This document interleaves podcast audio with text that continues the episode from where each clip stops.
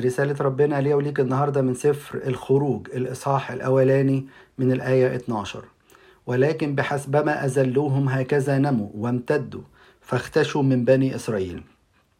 يبدأ سفر الخروج إن يوسف يموت ويجي ملك ما كانش يعرف يوسف. فالملك بيشوف إن شعب إسرائيل بينمو وبيكثر فيجي يبتدي يحذر شعبه.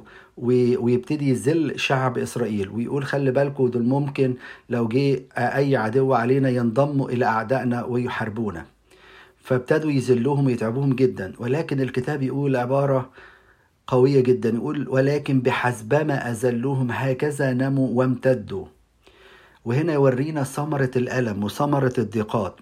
قصة بتحكي عن واحد كان عنده بستان وكان مع واحد صاحبه بيفرجوا على البستان دوت. ولما دخل معاه البستان لقى شجرة غريبة جدا لقى الشجرة دي مثمرة جدا أكتر من كل الشجر اللي موجود في البستان. فابتدى يسأل صاحبه قال له أنا شايف إن الشجرة دي أكتر واحدة مثمرة إيه حكاية الشجرة دي؟ فيقول له ما تعرفش الشجرة دي حكايتها غريبة جدا. قال له الشجرة دي ما كانش بتنمو وما كانش بتجيب ثمر. وفي مرة جيت قلت أعمل فيها حاجة غريبة جدا عملت جرح غائر جوه الشجرة نفسها. وبعد ما عملت الجرح دوت ابتدت الشجرة تعطي هذا الثمر اللي انت شايفه وأصبحت أحسن شجرة في البستان كله.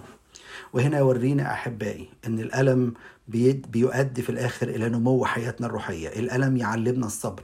الألم يخلينا نرتبط ويجعل علاقتنا قوية بالله من خلال الصلاة ومن خلال كلمة ربنا تلاقي إن في حرارة روحية وهيلاقي وهيكون في نمو في حياتك. عشان كده اوعوا نقلق من الألم والمتاعب اللي هنشوفها لأن كل ما يبقى فيه ألم هيبقى فيه نمو في حياتنا الروحية. ربنا يدينا كلنا إن إحنا ننمو من خلال الألم اللي بيبعته ربنا لينا. آمين.